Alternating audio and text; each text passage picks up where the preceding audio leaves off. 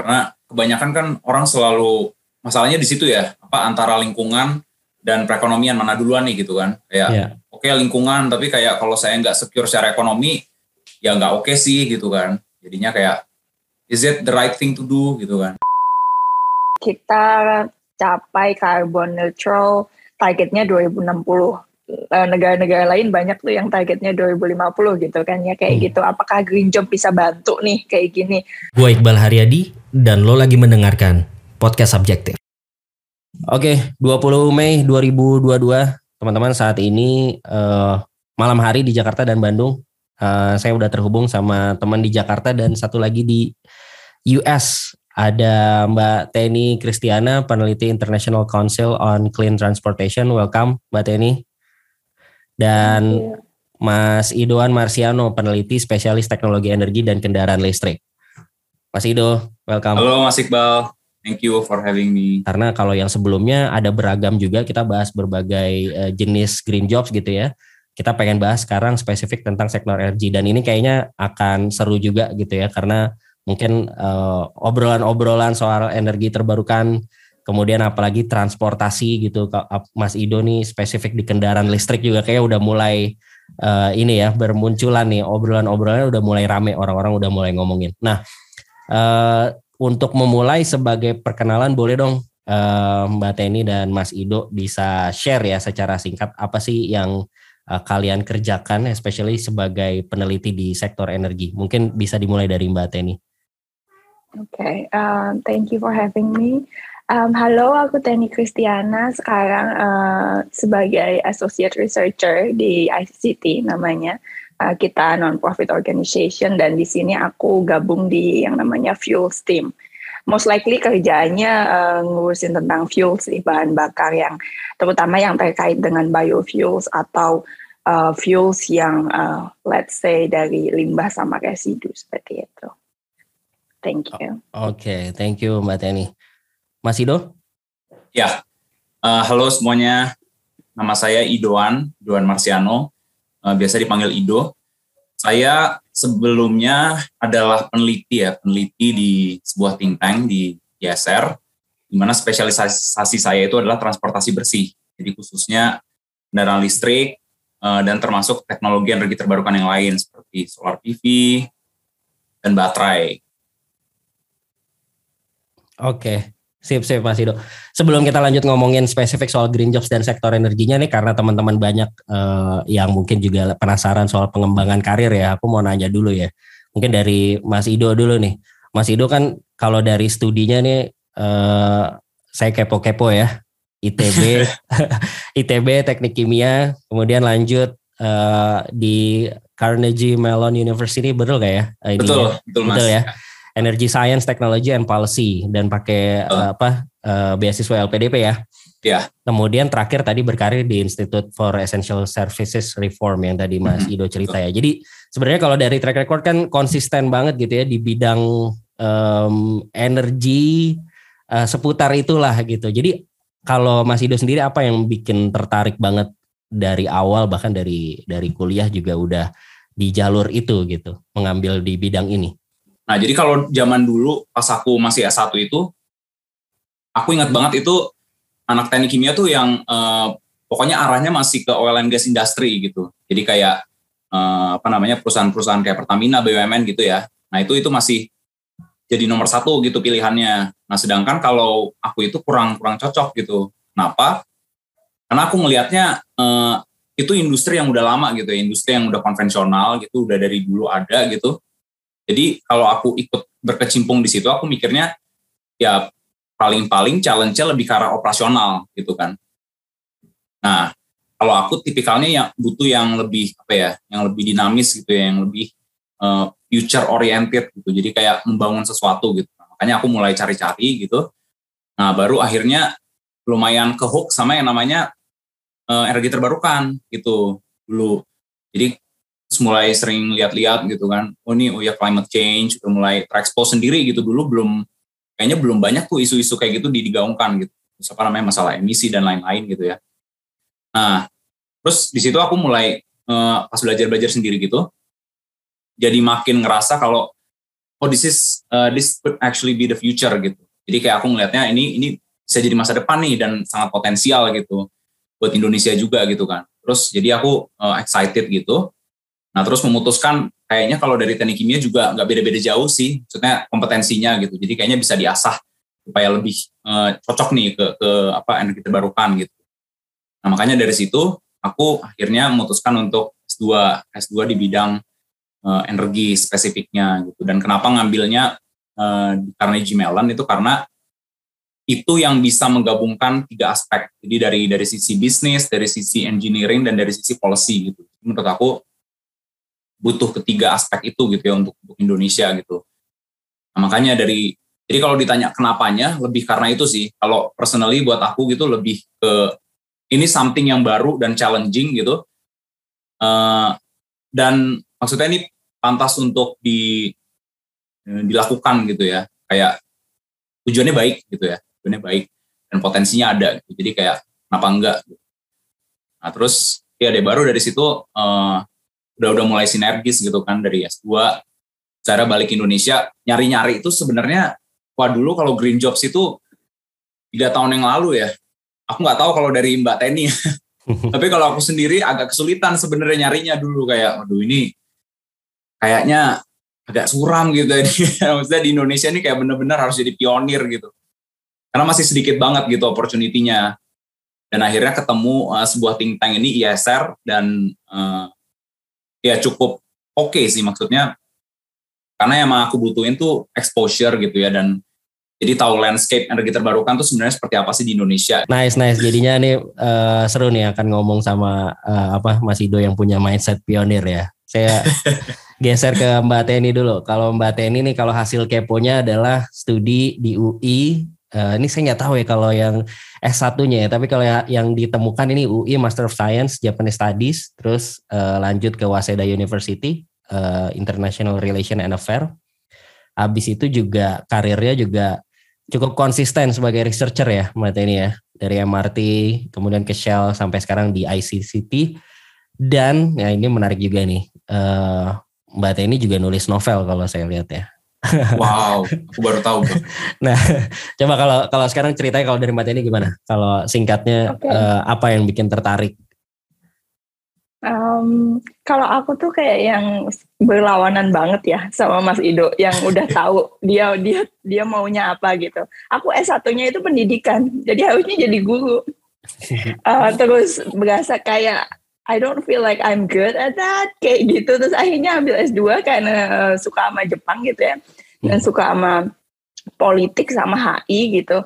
Jadi akhirnya ambil Jepang terus uh, nyasarnya kerjanya di oil and gas habis itu.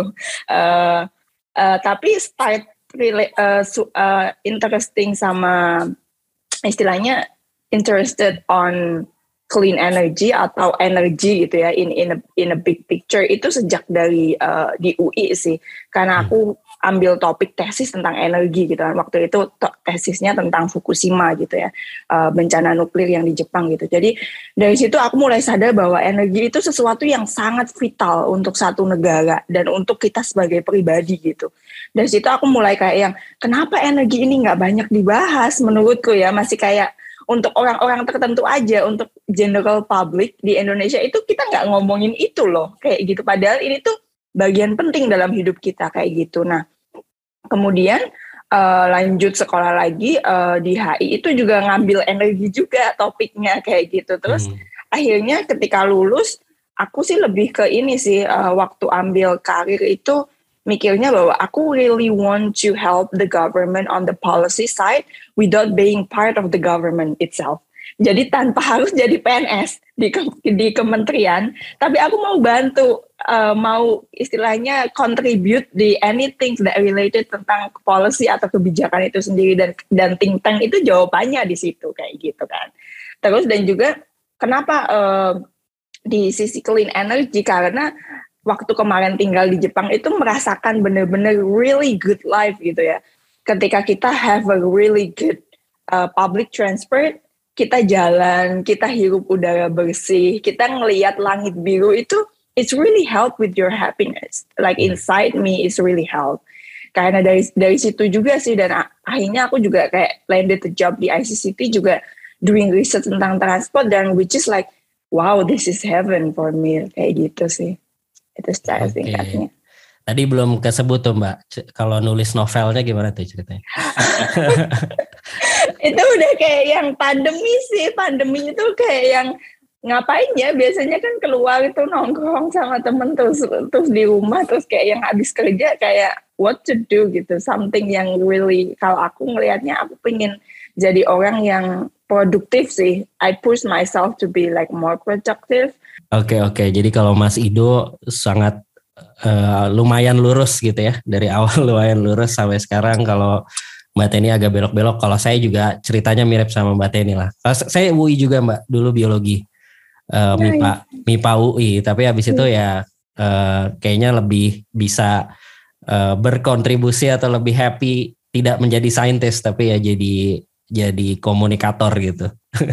Makanya sekarang di dunia marketing terus ya lebih banyak ya kayak gini nih akhirnya balas dendamnya adalah um, ngerti-ngerti soal biologinya balas dendamnya gini nih jadi jadi corong untuk kita ngomongin hal-hal yang penting kayak gini nih. Uh, salah satunya kita ngomongin si green jobs ini gitu ya jadi kita mulai ngomongin soal si green jobs ya. Jadi uh, goal kita kan sebenarnya kita pengen uh, teman-teman yang dengerin ini anak-anak muda lebih ngerti ya soal uh, lebih tahu kesempatan uh, tahu tentang uh, green jobs dan tahu bahwa ini kesempatan yang juga perlu disiapkan dari sekarang gitu ya apalagi teman-teman banyak yang mungkin dari sekarang lagi di early career atau bahkan ada yang baru lulus dan lagi cari kerja gitu jadi mungkin uh, perlu tahu juga tentang si green jobs ini. Nah mungkin kita mulai dari yang pertama uh, tentang si green jobsnya kita refresh lagi dulu gitu ya ke Mbak Teni. Kalau green jobs itu sebenarnya definisinya apa? Kalau uh, si green jobs ya uh, pekerjaan hijau ini tuh apa? Uh, terus ya mungkin yang yang misalnya yang sekarang lagi Mbak Teni jalani termasuk dalam green jobs juga itu gimana? Mungkin bisa diceritakan ke teman-teman. Oke, okay, um, ini definisi yang keluar dari diriku sendiri ya. Jadi kayak yang kalau teman-teman nyari di Google tuh banyak gitu. Ya. Kalau aku tuh lebih ke as simple as green job itu work yang dia punya meaningful impact gitu buat environment yang ada di sekitar kita kayak gitu. Jadi uh, kalau aku melihatnya itu kerjaan itu bukan cuma sekedar achievement yang kita doing untuk our, our ourselves gitu ya dan juga bukan tentang cuman oke okay, gue kerja gue dapat gaji terus gue bisa bayar cicilan gue bayar apa pun kayak gitu tapi apa yang bisa kasih kita kasih gitu ya in return ke nature gitu loh. Uh, bumi kita ini gitu. Dan juga uh, lingkungan yang ada di sekitar kita itu gitu. Nah, kalau kita browsing-browsing lihat-lihat profesi apa aja sih yang yang yang yang uh, termasuk dalam green job? Banyak, misalnya scientist gitu ya dari agriculture, dari climate change, dari ekologis atau environment atau let's say water quality, um, scientist juga bisa masuk dalam itu. Terus kalau misalnya yang lain, misalnya uh, energi terbarukan, uh, technician atau bisa dibilang engineer yang yang yang misalnya install solar PV kayak gitu itu juga part of green job juga gitu kan uh, dan juga ada misalnya uh, yang sekarang lagi uh, marak itu recycle ya recycle hmm. everything even ter, uh, termasuk in entrepreneur yang yang doing all of this kind of like business on recycling itu juga part of it gitu ya bahkan even like profesi youtuber yang yang yang istilahnya konten-kontennya tentang edukasi tentang lingkungan juga part of that gitu kayak gitu. Tapi aku mau uh, kasih satu apa ya tekanan ya di sini bahwa oh uh, teman-teman yang dengerin oh kalau aku accountant, kalau aku misalnya administratif um, staff berarti aku bukan green job dong. Um, bisa dibilang kayak gitu tapi it doesn't mean you can't contribute menurutku kayak gitu. Ya, ya. Oke. Kalau Mas Ido mungkin ada yang mau ditambahkan green jobs dari sisi sektor energi? Nah tadi uh, itu menarik tadi Mbak Teni bilang menurut definisinya sendiri kan. Karena ini emang masih apa ya uh, definisinya tuh beda-beda gitu ya tergantung hmm. sumbernya dari mana ngambilnya. Nah, itu definisinya masing-masing organisasi itu bisa punya um, macam-macam. Bahkan di ESR sendiri sempat ada ingat banget ada perdebatan tentang green jobs ini green jobs bukan bukan Iya. Jadi kayak oke okay, ya tergantung banget gitu. Karena, karena masih baru banget ya. Iya, dan karena masih baru dan karena itu tadi kata kuncinya scope-nya ya. Jadi eh, mana nih yang yang apa namanya sampai seluas mana dianggap uh, kalau pekerjaan itu green jobs gitu. Tapi kalau secara umum kalau yang uh, aku baca gitu dan yang ISR sepakatin juga memang uh, pekerjaan atau profesi yang berhubungan sama empat aspek utama itu ya. Jadi uh, terkait penurunan emisi, uh, penurunan limbah, memulihkan ekosistem, sama konsumsi energi ya, efisiensi energi dan juga sumber daya. Nah, jadi yang berhubungan dengan empat aspek itu, baik secara langsung maupun tidak langsung, nah itu bisa dikategorikan secara uh, sebagai green jobs. Nah, tergantung scope scope masing-masing gitu. Jadi kalau tadi Mbak Teni bilang akuntan bisa dikategorikan sebagai green jobs, bisa juga enggak. Nah, tergantung scope yang dipakai gitu kan. Kalau misalkan akuntan, misalnya kalau waktu itu ingat di ISR itu karena uh, ada yang bagian admin gitu kan nanya jadi kalau saya itu kerja, ini green jobs bukan yang saya lakukan ini green job bukan gitu kan. Nah jadinya waktu itu eh, kesimpulannya adalah iya itu green job, meskipun nggak secara langsung eh, apa namanya akan berdampak pada penurunan emisi atau apa pun gitu kan, tapi itu bergerak dalam sebuah think tank yang isinya selaras gitu. Nah jadi kayak gitu-gitu. Nah itu juga berlaku untuk semua aspek gitu ya, misalnya eh, kendaraan listrik gitu. Contohnya kendaraan listrik, nggak cuma orang yang jualan EV gitu yang bisa dianggap apa namanya melakukan green job gitu. Tapi value chain sebelumnya misalnya pembuatan penyediaan charging gitu ya misalnya kayak gitu. Hmm. Nah itu mungkin bisa jadi juga dinamakan green jobs kayak gitu. Dan bahkan ya luas banget tadi seperti yang Mbak Teni bilang juga gitu ya. Jadi kayak Mas Iqbal ini gitu kan, ini kan lagi bantuin ngomongin isu isu tentang green jobs gitu kan. Nah ini green job in it itself gitu bisa jadi gitu kan. Terus misalnya kayak seniman atau bahkan kayak ya seniman gitu, penyair, apa pun yang yang mendukung transisi energi itu mungkin bisa dikategorikan green job. Jadi bisa luas banget gitu. Dan yang penting sih asal semuanya visinya sama, menurut saya sih ya bagus gitu. Green jobs aja semuanya. kalau kalau saya ngeliatnya gitu ya, kayak semakin banyak green jobs itu digaungkan kan semakin bagus gitu buat buat transisi energi. Jadi kayak kenapa enggak? Betul betul. Iya iya iya iya. Tadi mungkin uh, empat pilar yang uh, Mas Ido mention tuh jadi scope yang selama dia ada di dalam scope tersebut dia masuk bisa masuk dalam kategori green jobs gitu ya. Dan ya beberapa uh, dari sumber yang saya baca ya. Kalau di sini aku mengutip uh, Coaction hmm. Indonesia, organisasi yang fokus ke isu green jobs dan sektor energi terbarukan di 2030 itu diprediksi pembangunan berkelanjutan akan membutuhkan tenaga kerja langsung sebanyak 430 ribu orang. Um, dari di, diprediksi di 2030 gitu ya. Jadi uh, ke depannya pun pasti akan lebih banyak lagi gitu kan. Dan si uh, green jobs-nya sendiri juga mungkin tadi udah sempat ke mention akan meningkat terus salah satunya karena ya kita uh, ini nggak tahu nih cepat atau lambatnya tapi kita dalam proses uh, transisi juga kan ke energi yang bersih gitu ya. Kalau di Indonesia kalau yang aku tahu sih ada Dewan Energi Nasional gitu ya yang juga nyusun rencana umum energi nasional untuk uh, proses transisi energi di Indonesia gitu. Nah, nanti kan proses transisi ini kan pasti akan menciptakan uh, apa jenis-jenis pekerjaan-pekerjaan baru gitu ya supaya bertumbuh terus dan akhirnya ya jadi ada uh, green jobsnya akan lebih banyak gitu ya.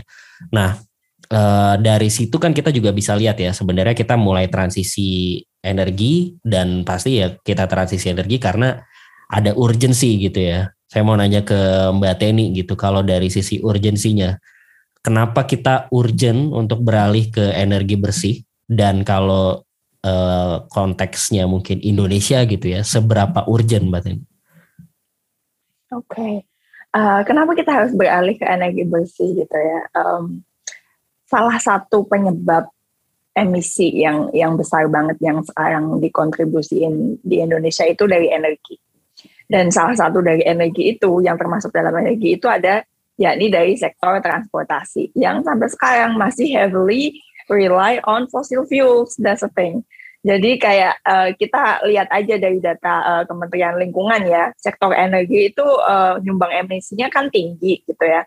Dan dilihat sampai sekarang juga kalau kita lihat uh, datanya bahwa uh, kita tuh masih kalau substitusi masih cuman uh, sekarang di biofuels nih yang ada yang di biodiesel yang B30 gitu. Sementara bioetanol nggak jalan seperti itu kan. Nah, sementara itu uh, apa uh, kendaraan di kita di tiap tahun tuh makin bertambah gitu dan dan ini nggak cuman let's say nggak cuman nyumbang emisi ke uh, gas rumah kaca ya dan juga itu juga benar-benar uh, affect our health gitu kita bisa lihat loh uh, buat teman-teman yang misalnya uh, pernah gitu ya jalan-jalan keluar terus lihat bahwa nggak banyak kendaraan di luar negeri sementara di Jakarta misalnya nih banyak banget. Yeah. itu kerasa loh beda banget. Udara yang kita hirup tuh beda banget nggak usah deh jauh-jauh ke luar negeri. Kalau kalian di Jakarta terus liburan ke Bali itu beda banget. Langitnya tuh biru banget di Bali dan dan dan keluar dari istilahnya dari hotel gitu ya jalan ke pantai itu kayak yang oke okay, ini udaranya tuh seger banget enak banget kayak gitu. Dan sama juga kalau kita pergi ke misalnya hiking ke uh, ke pegunungan gitu ya. Aku suka hiking makanya sebutnya hiking. Uh, hiking ke pegunungan. Kita ngirup udara bersih itu enak loh kayak gitu. Jadi uh, ini tuh penting banget. Nggak nggak cuman istilahnya nggak cuman aiming uh, climate change aja gitu tapi aiming a good life for ourselves gitu loh.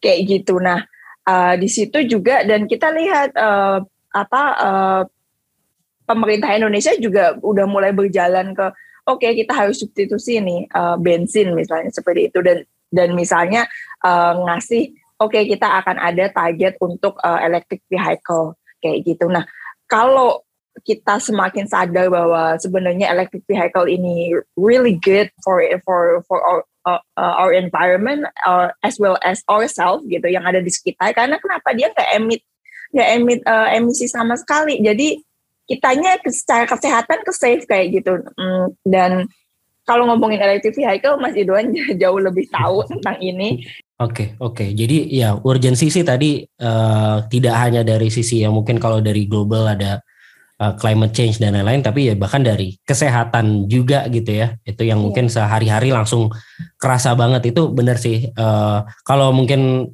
dari ini ya, kalau dari pengalaman pribadi kan sekarang juga mungkin kalau apa uh, yang yang aku lihat di depan mata ya ride hailing juga kan mulai ada tuh yang uh, elektrik gitu ya yang pakai listrik tuh nggak ada nggak ada kalau jalan nggak ada suaranya nggak ada asapnya kadang ini kadang juga kaget ya tiba-tiba ada ada yang lewat nggak ada suaranya gitu ya uh, itu kan udah mulai ada dan benar tadi kalau dari sisi air quality ini aku juga sempat uh, lihat data gitu ya data terakhir dari Air Quality Life Index itu 91% orang Indonesia tinggal di daerah dengan standar polusi partikel 6 kali standar WHO gitu. Jadi standarnya seberapa kita udah ada uh, polusinya tuh 6 kali lebih bahaya lah gitu ya dan itu 91% orang Indonesia uh, kayak gitu gitu. Jadi um, jadi jadi urgent untuk kita beralih ke uh, energi yang uh, bersih gitu ya. Nah, ini mumpung lagi nyambung yang tadi ya soal transportasi juga nyambung ke Mas Ido ya. Kalau kalau dari Mas Ido gimana? Kalau kondisi kita saat ini gimana sih trans, dalam proses transisi ke pengembangan sumber energi terbarukan gitu ya, yang uh, juga pasti ngaruh ke uh, transportasi gitu ya. Sekarang kita prosesnya atau statusnya nih uh, seperti apa gambarannya? Nah, jadi kalau untuk transportasi sendiri statusnya sekarang itu sebenarnya uh, makin lama semakin meningkat ya penetrasinya gitu untuk untuk kendaraan listrik. Nah, cuma memang masih jauh daripada yang ditargetkan pemerintah gitu dan yang dan yang sesuai dengan uh, apa namanya proyeksi untuk uh, mitigasi perubahan iklim nantinya gitu. Jadi kalau dikira-kira mungkin dibandingkan target tahun 2030 paling kita penetrasi kendaraan listrik baru sekitar satu persen mungkin ya. Ini mobil dan motor gitu. Hmm. Jadi memang masih jauh banget dibanding targetnya. Cuma dari tahun ke tahun, ini karena baru juga ya kendaraan listrik kayak baru mulai dipercepat kan tahun 2019 ya. Nah itu dari tahun 2019 sampai sekarang itu semakin meningkat dan peningkatannya itu semakin cepat dibanding tahun sebelumnya gitu. Jadi potensinya ada menurut saya gitu. Dan sejauh ini sih yang saya lihat perkembangan regulasinya itu dalam mendukung uh, eh, EV gitu ya, itu lebih lebih konsisten dibandingkan teknologi energi terbarukan yang lain. Misalnya kayak panel surya gitu. Sekarang kan baru-baru ini ada regulasi yang apa namanya yang sedikit uh, tidak konsisten gitu terhadap pengembangan pengembangan panel surya ke depannya gitu. Tapi kalau kendaraan listrik ini kayaknya cukup konsisten karena mungkin salah satunya saya lihat juga sinergis ya dengan kebutuhan PLN sekarang yang uh, statusnya kan oversupply listrik gitu ya. Jadi dengan meningkatkan penetrasi juga nantinya kan pasti akan meningkatkan konsumsi listrik, terus jadinya akan menambah revenue PLN juga gitu ya. Jadi win-win solution gitu buat buat buat semuanya gitu. Cuma masalahnya sekarang ini memang masih banyak terkendala ya macam-macam sih ya dari semua sisi ekosistemnya itu masih ada halangannya masing-masing, terutama kalau dari sisi konsumen itu memang harga ya, keterjangkauan harga untuk kendaraan listrik, khususnya untuk roda 4 ya. Kalau roda 2 sendiri itu sudah semakin kompetitif ya sekarang, makanya jadi kalau tadi Mas Iqbal bilang itu kan ngelihat ride hailing banyak, nah mungkin motor-motor listrik kan jadi makin banyak tuh sekarang kan, terus makin hmm. populer gitu. Nah itu karena emang uh, entry pointnya dari sisi biaya paling make sense uh, dari ride hailing gitu ya, dari transportasi publik gitu. Dan iya dan karena kenapa motor duluan karena memang uh, harganya jauh lebih kompetitif dibanding konvensional ya uh, dibandingkan dengan uh, mobil roda 4 gitu.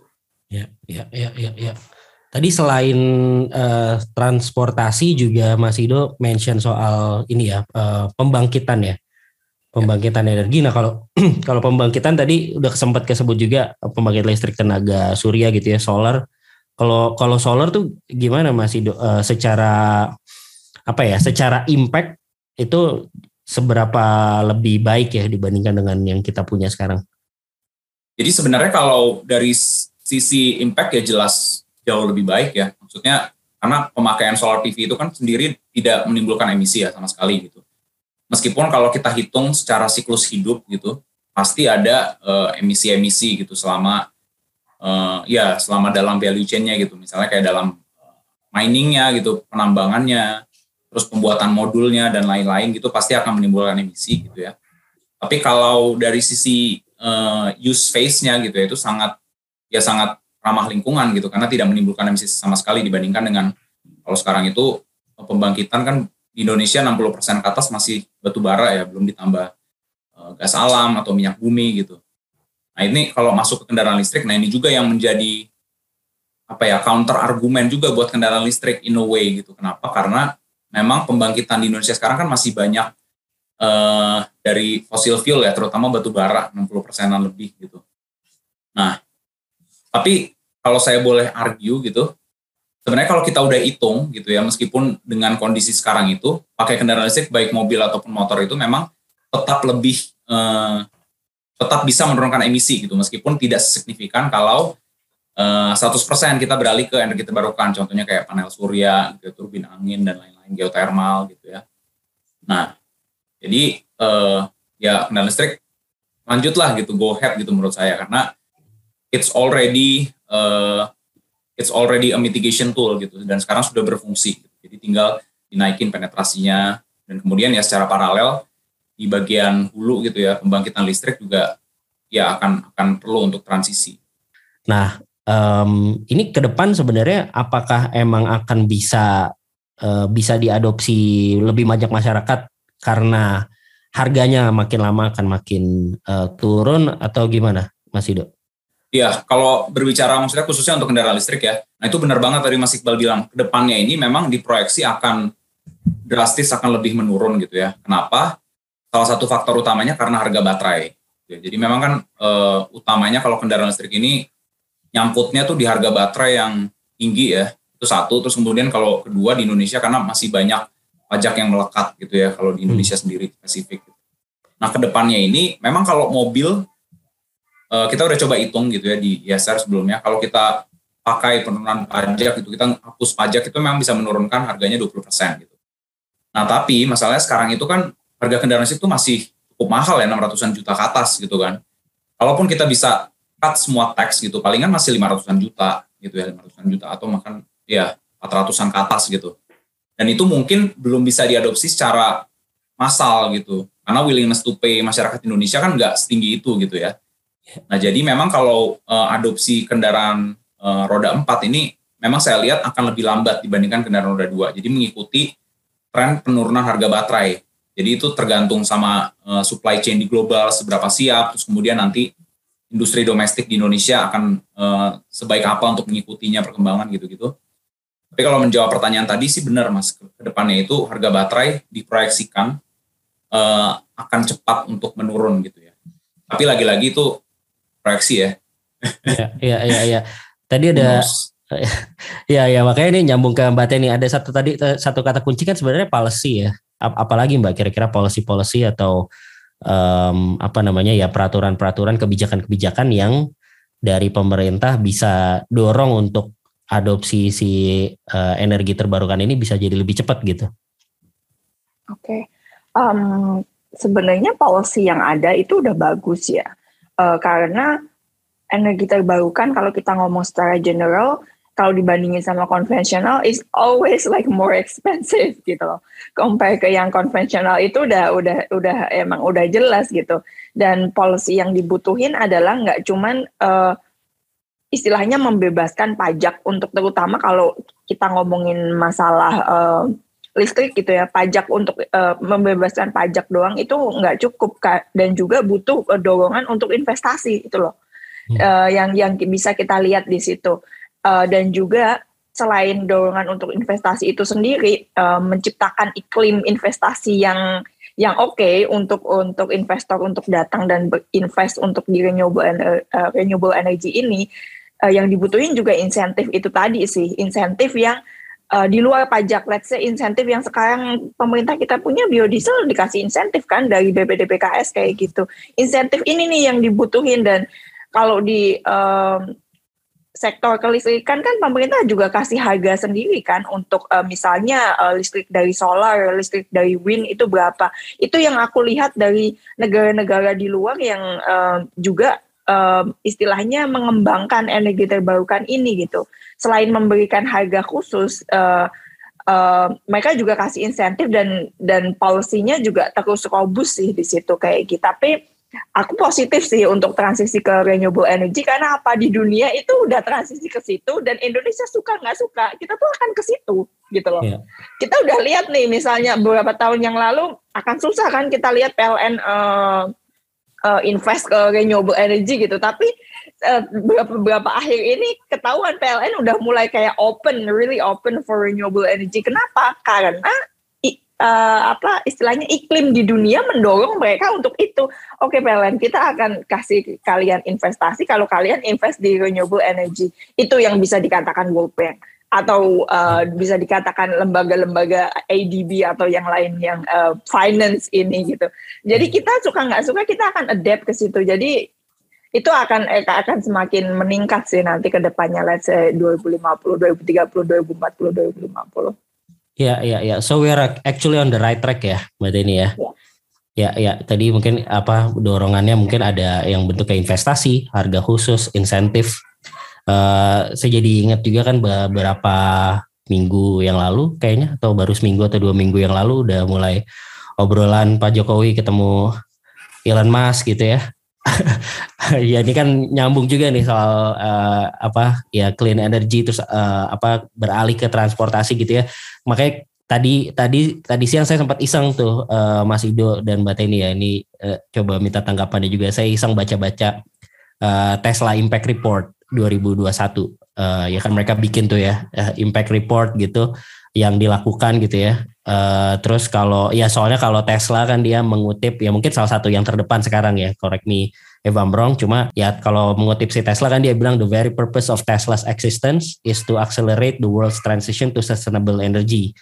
Nah, uh, saya coba kutip ada ada tiga beberapa poin menarik ada tiga gitu ya. Satu dia bilang uh, pengembangan energi terbarukan dilakukan secara multi teknologi jadi nggak cuma mobilnya aja nggak cuma kendaraannya aja yang ramah lingkungan. Tadi mungkin uh, yang udah disebut Mas Ido juga tapi ekosistem secara keseluruhannya gitu ya. Misalnya storage-nya tempat nyimpan energinya terus uh, auto bidder buat softwarenya terus uh, mereka ya bilangnya itu harus konsisten lah gitu. Jadi the whole ekosistem nggak cuma kendaraannya gitu ya.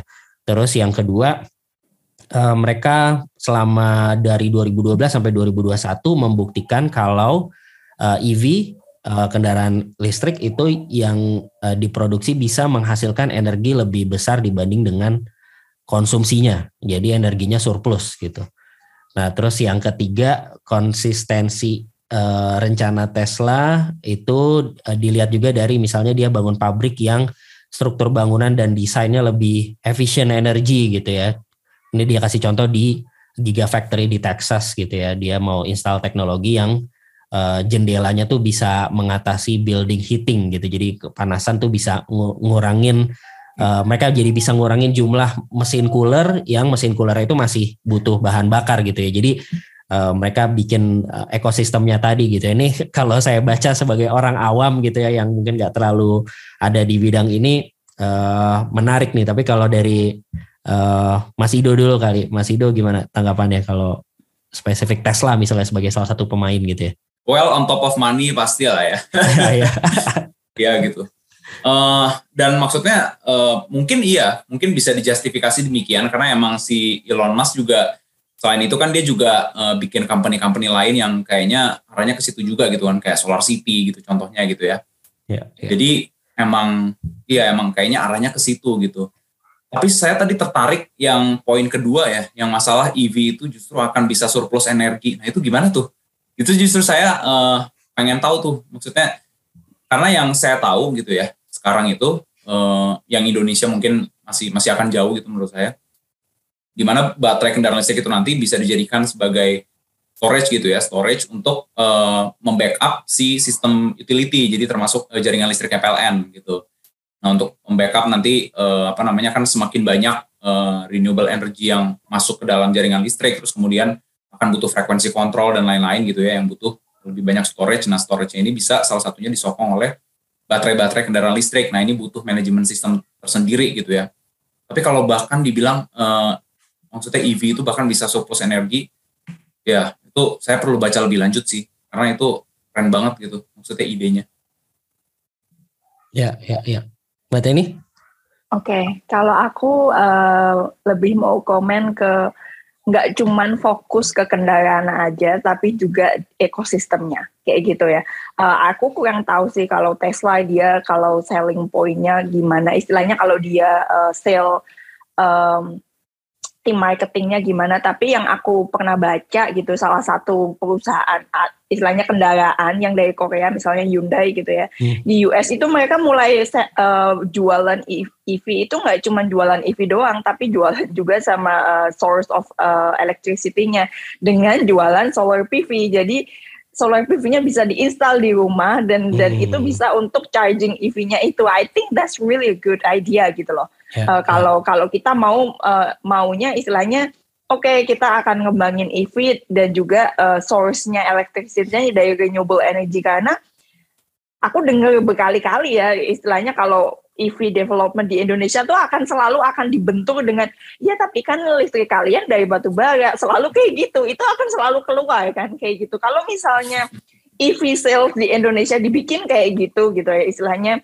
oke okay, sama kita jualan charging yang kita bisa set di rumah terus kita dapat special price gitu ya dari PLN untuk itu gitu. Itu akan really good gitu loh untuk untuk untuk apa uh, eh, EV secara keseluruhan dia which is nggak cuma emit zero emission tapi dia juga kayak use uh, renewable energy yang kalau let's say uh, aku masih belum tahu regulasinya tapi kan ada udah mulai banyak tuh di di negara-negara lain yang kalau kita produk uh, produksi elek uh, electricity kita bisa jual lagi gitu loh ke grid hmm. kayak gitu itu kalau hmm. itu bisa bisa dilakuin which is really good gitu kayak gitu saya nyambung ke um, mungkin yang yang agak lebih ini lagi ya, lebih lebih high level lagi kalau kita punya uh, target kan sebenarnya net zero emission ya di 2050 gitu. Kalau buat teman-teman yang mungkin belum familiar, net zero artinya mengurangi jumlah emisi karbon yang dilepas ke atmosfer sekecil mungkin lah gitu ya kalau ininya di, disimplifikasi gitu ya. Nah, um, di dan di Indonesia sendiri sebenarnya juga tadi yang udah disebut uh, Mbak Teni juga udah ada sebenarnya komitmen untuk mewujudkan ini gitu ya.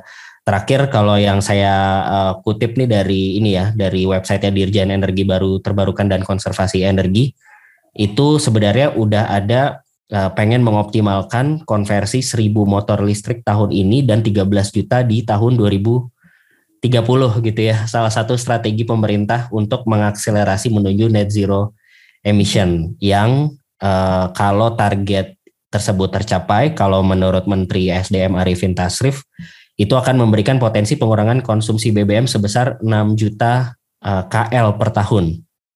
dan penurunan emisi gas rumah kaca sebesar 7,23 juta ton uh, eh, CO2 gitu ya. Nah ini yang yang tadi kalau nyambung ke Mbak Teni ini yang kita support jalan terus ya Mbak ya.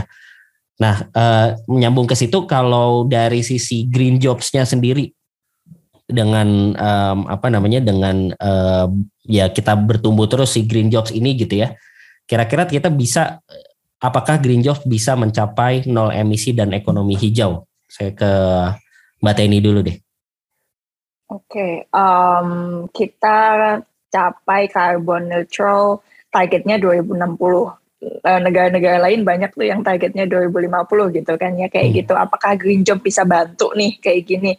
Uh, tentu sih tentu bisa uh, kerja di terjun kerja di green job itu bisa bantu. Apalagi generasi muda kita kan masih kayak banyak nih yang dengerin dengerin yeah. baru akan lulus gitu ya. Dan uh, seperti yang Mas Idwan bilang bahwa uh, apa sih istilahnya kayak ketersediaan green job tuh akan semakin banyak to be honest. Ya kenapa? Karena itu selaras dengan investasi di renewable energy yang akan semakin meningkat gitu loh. Hmm sementara eh, istilahnya kayak di di luar negeri sendiri udah banyak tuh investasi-investasi di EV ini juga kayak yang besar-besaran gitu. Di US itu besar-besaran banget investasi untuk EV di di Europe investasi untuk uh, hydrogen gitu misalnya kayak gitu. Kita sebagai masyarakat biasa juga masih bisa bantu untuk mencapai uh, target pemerintah yang uh, carbon neutral 2060 itu tadi. Dan aku ulangin lagi message-nya di sini bahwa apa pun yang kita lakuin, jalan kaki, bersepeda, menghemat listrik, sesimpel as. Kalau aku tuh banyak banget sekarang ngelihat orang kalau ngecharge handphone, kalau handphonenya udah penuh, chargingnya udah dibiarin gitu aja. Itu tuh kayak yang bisa nggak aku cabut itu? Gitu kayak gitu. Itu tuh tetap ngalirin listrik loh sedikit pun. Itu tetap tetap consume electricity kayak gitu loh. Hal kayak gitu itu juga juga bantu membantu untuk uh, mengurangi ini sih istilahnya konsumsi uh, apa listrik yang listrik kita tuh masih pakai uh, yang kita bisa bilang masih pakai fosil kayak gitu juga gitu dan aku akan juga uh, istilahnya pesan banyak-banyaklah menggunakan kendaraan umum. I know it's COVID gitu. A lot of people like gue nggak mau naik busway karena COVID takutnya nanti kena kayak kayak gitu. Tapi kalau COVID-nya udah mulai istilahnya sekarang udah mulai normal, please to use public transport. It's really help a lot gitu. Ya, ya, ya. Aku izinin dulu ah nyabut nyabut ini, nyabut colokan. langsung kayak langsung langsung kayak tersinggung colokan ada di. Ya. Aduh iya mas, relatable banget emang. iya, iya. Oke, okay. kalau ke kalau ke Mas Ido aku mau ini juga ya beralih soal soal ekonomi ya. Nah pertanyaannya adalah e, sebenarnya dengan meningkatnya e, green jobs kemudian kita lagi transisi energi ini sebenarnya akan bisa ningkatin taraf ekonomi masyarakat juga atau enggak ya? Kalau nah, menurut Mas Ido gimana? Ya, terima kasih Mas sudah menanyakan itu karena kebanyakan kan orang selalu masalahnya di situ ya apa antara lingkungan dan perekonomian mana duluan nih gitu kan kayak yeah. oke okay, lingkungan tapi kayak kalau saya nggak secure secara ekonomi ya nggak oke okay sih gitu kan jadinya kayak is it the right thing to do gitu kan hmm. nah itu setelah beberapa analisis memang di yang kalau di ISR bikin gitu memang dengan adanya green jobs ini dan dengan transisi energi ini nantinya justru akan menimbulkan yang namanya multiplier effect gitu ya multiplier effect yang lebih besar gitu dibandingkan kalau kita stay on track with uh, power plants gitu. Jadi dampaknya ke ekonomi nanti akan uh, jauh lebih besar gitu. Kenapa? Salah satunya, jadi ada dua ada dua faktor gitu kan. Yang pertama karena masing-masing uh, unit per kWh energi output yang yang diberikan gitu. Nah itu akan menimbulkan lebih banyak potensi pekerjaan dibandingkan dengan conventional power plants atau conventional fossil fuel jobs gitu ya. Jadi kalau setiap energi, setiap unit energi energi yang dihasilkan dari energi terbarukan itu akan membutuhkan lebih banyak job dibandingkan kalau energi itu dikeluarkan dari uh, fossil fuel power plants gitu. Itu salah satunya. Jadi potensi akan lebih banyak untuk apa namanya? Uh, kalau energi akan semakin banyak nanti dibutuhkan. Nah, makanya jobnya kan akan jauh lebih banyak gitu karena kan pengalinya lebih besar gitu. Itu yang pertama. Kemudian yang kedua karena ada value tambahan yang dihasilkan dari adanya green jobs ini gitu. Nah tadi dampak lingkungan itu karena itu akan terkait dengan uh, pertumbuhan ekonomi nantinya gitu, terutama penurunan emisi gitu ya, penurunan polusi dan lain-lain karena namanya ada yang namanya cost of carbon gitu ya. Makanya sekarang uh, ada kayak pajak karbon itu salah satu instrumen yang sangat baik gitu ya. Jadi kita benar-benar bisa ngelihat itu sebuah cost gitu. Karena memang itu adalah cost gitu ya. Cost ke lingkungan, cost ke health, ke mana-mana. Dan itu perlu ada labelnya gitu. Jadi kita perlu tahu kalau e, menghasilkan emisi itu ada dampaknya terhadap ekonomi secara tidak langsung dan secara langsung gitu. Nah, jadi kalau di assess dari dua faktor itu, sebetulnya kalau kita akan transisi ke e, energi terbarukan, itu nantinya akan menghasilkan e, job yang lebih banyak dibandingkan dengan e, fossil fuel jobs. Dan yang kedua, multiplier effect untuk ke pertumbuhan perekonomian itu juga jauh lebih besar gitu. Jadi dari dari dari hasil analisis kita seperti itu. Nah gitu. Jadi eh, memang sih pada saat transisinya itu sendiri perlu banyak yang diperhatikan gitu kan. Pasti ada job loss dari eh, all workers misalnya atau dari eh, industrial workers yang uh, udah lama gitu ya berkecimpung di fossil fuel jobs ini gitu. Nah itu memang perlu diperhatikan gitu kayak social dialog dan lain-lain supaya transisinya smooth gitu. Tapi nantinya kalau memang sudah terjadi itu perekonomian akan jauh lebih uh, berkembang gitu. Dan itu bisa dilihat kenapa dunia juga arahnya ke sana gitu. Ya karena itu, karena pasti selalu ada irisan antara lingkungan dan perekonomian juga gitu. Jadi itu bukan dua hal yang benar-benar mutually eksklusif gitu. Oke, kalau buat teman-teman gitu ya yang mau mulai be, mulai cari tahu atau bahkan mau mulai terjun gitu green jobs di sektor energi, where to start, Mbak Teni? Ya, pertama sih lebih ini, aku mau yang uh, ngomong really basic dulu. Kita harus sadar bahwa sektor energi itu penting, penting banget. Bahkan ada yang namanya energy security gitu. Itu untuk country gitu kalau itu penting untuk satu negara, otomatis itu penting untuk kita juga dan kita harus aware bahwa oh uh, kadang ada orang yang nggak istilahnya gini ya, oh aku nggak mau kerja di sektor ini karena mungkin nanti 50 tahun ke depan udah nggak ada tuh kerjaannya kayak gitu ya misalnya ya, kayak gitu. Nah itu yang yang perlu dipikirin bahwa sebenarnya sektor energi itu penting dan itu akan selalu dibutuhkan dan dengan perkembangan sekarang yang uh, renewable energy makin lama investasi makin banyak, uh, pengembangan makin banyak, itu start yang bagus sih untuk teman-teman untuk start untuk uh, mulai mikir, mulai interest gitu ya uh, di topik ini gitu. Oke, okay. thank you Mbak Teni. Masih dok? Wah, thank you nih. Uh, aku agree more sama Mbak Teni tadi bilang. Nah, tapi menurut saya itu semua mulai dari ada motivasi gitu ya. Nah itu bisa muncul motivasi menurut saya dari edukasi gitu. Nah jadi uh, ya saya jadi kayak cukup mendorong gitu untuk generasi muda gitu ya. Untuk nah ini kayak dengerin uh, podcastnya Mas Iqbal gitu kan. Nah itu salah satu bentuk edukasi gitu kan. Nah banyak-banyak uh, dengerin informasi-informasi terkait uh, transisi transisi energi, terus perubahan iklim dan lain-lain. Jadi akan tergerak dengan sendirinya menurut saya ya. Nah itu semua punya kapasitas untuk e, melakukan ya tindakan-tindakan kecil gitu kayak apa efisiensi energi gitu ya, tidak e, membuang sampah gitu, tidak menghasilkan limbah yang banyak gitu, efisiensi sumber daya. Nah itu bisa dimulai. Terus kalau yang di perusahaan-perusahaan munafit gitu ya, yang cari profit, ya bisa kayak perusahaan kan sekarang banyak yang e, menerapkan ESG itu ya. Jadi environment, social and governance. Nah kayak gitu-gitu mungkin bisa berkecimpung di situ atau di uh, divisi sustainability-nya gitu. Atau bahkan bisa kayak menyarankan gitu ayo kita ke sana kalau belum ikutan gerakannya gitu kan karena di sini opportunity-nya. Jadi kayak sekarang itu potensinya kan besar nih buat transisi energi dan buat teknologi energi terbarukan termasuk kendaraan listrik gitu ya. Nah potensinya ada marketnya semakin berkembang gitu ya.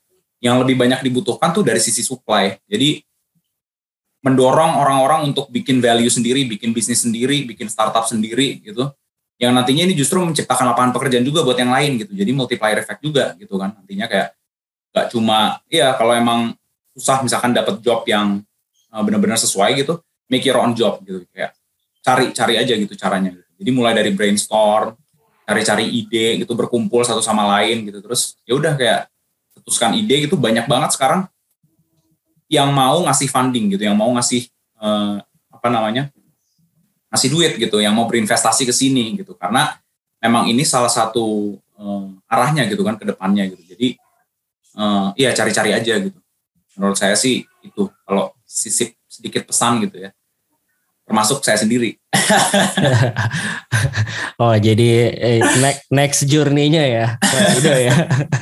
ya. Ini karena kita udah di akhir obrolan gitu ya, saya coba uh, summarize tadi mungkin intinya sebenarnya dari yang uh, Mbak Teni dan Mas Ido sampaikan, anak muda harus mulai uh, aware gitu ya bahwa kita perlu gerak bareng-bareng uh, melakukan transisi energi gitu ya, nggak hanya pemerintah aja, nggak hanya uh, swasta aja ya, tapi kita juga even di level individu gitu, karena percepatan uh, transisi energi di Indonesia tuh bisa dicapai kalau kita gerak bareng-bareng, masif dan terarah. Terus green jobs bisa jadi solusi untuk percepatan transisi energi sehingga kita bisa um, terbentuk ekonomi hijau dan kalau transisi energinya bisa terjadi lebih cepat, net zero emissions juga bisa segera tercapai. Nah ini terakhir uh, saya tutup dengan ya beberapa hal yang mungkin bisa kita lakukan ya teman-teman ya. Yang pertama nomor satu buat praktik green job semakin lumrah di setiap profesi. Kita bisa mulai menerapkan dan membiasakan perilaku ramah lingkungan dalam lingkup kerja dan sehari-hari secara sederhana. Contohnya yang tadi Mbak Teni mention misalnya mencabut uh, pengisi daya smartphone ketika sudah selesai dipakai gitu ya, hemat listrik, menggunakan kendaraan umum atau kendaraan pribadi dengan bahan bakar alternatif ramah lingkungan, belanja kebutuhan dari tempat terdekat untuk mengira, mengurangi emisi karbon. Itu nomor satu. Kemudian nomor dua, ajak orang terdekat, keluarga, kerabat, teman kerja, semua orang bisa berpartisipasi dalam green jobs. Ketiga, untuk angkatan belum bekerja, teman-teman yang mungkin uh, pendengar ada juga pendengar ini yang masih kuliah atau uh, fresh grade lagi uh, cari gitu ya. Persiapkan diri dengan skill uh, dan pengetahuan mengenai green jobs. Dan keempat selain di sektor energi bagi teman-teman wirausaha muda mulai bangun ekosistem usaha menjadi usaha hijau yang ramah lingkungan ini nyambung yang tadi Mas Ido mention juga gitu opportunity-nya lagi banyak dan ya teman-teman bisa lihat gitu dari mulai bahan baku, bahan bakar, proses distribusi dan lain sebagainya itu ada banyak opportunity yang bisa di, diambil gitu ya. Teman-teman bisa uh, kreatif bikin value sendiri uh, karena makin banyak sekarang green investment sehingga kalau misalnya uh, kita bisa grab uh, kesempatan itu uh, kita makin banyak juga bisa menciptakan juga makin uh, banyak green jobs maka uh, makin besar juga uh, impact yang bisa kita cipta, kita ciptakan dan makin cepat juga kita bisa bantu uh, transisi ke energi terbarukan gitu ya. Itu teman-teman obrolan kita. Terima kasih banyak buat Mbak Teni, Mas Ido obrolannya. Terima kasih Mas Iqbal. Uh, mencerahkan banget. Uh, mudah-mudahan teman-teman juga bisa dapat banyak hal. Uh, silahkan di share. Uh, kalau teman-teman ngerasa ada value atau teman-teman yang lain perlu banget dengerin ini, share di uh, Instagram Stories ataupun di uh, Twitter, LinkedIn dan sosmed lainnya. Mention dan nanti kita bisa ngobrol-ngobrol lebih lanjut di sana.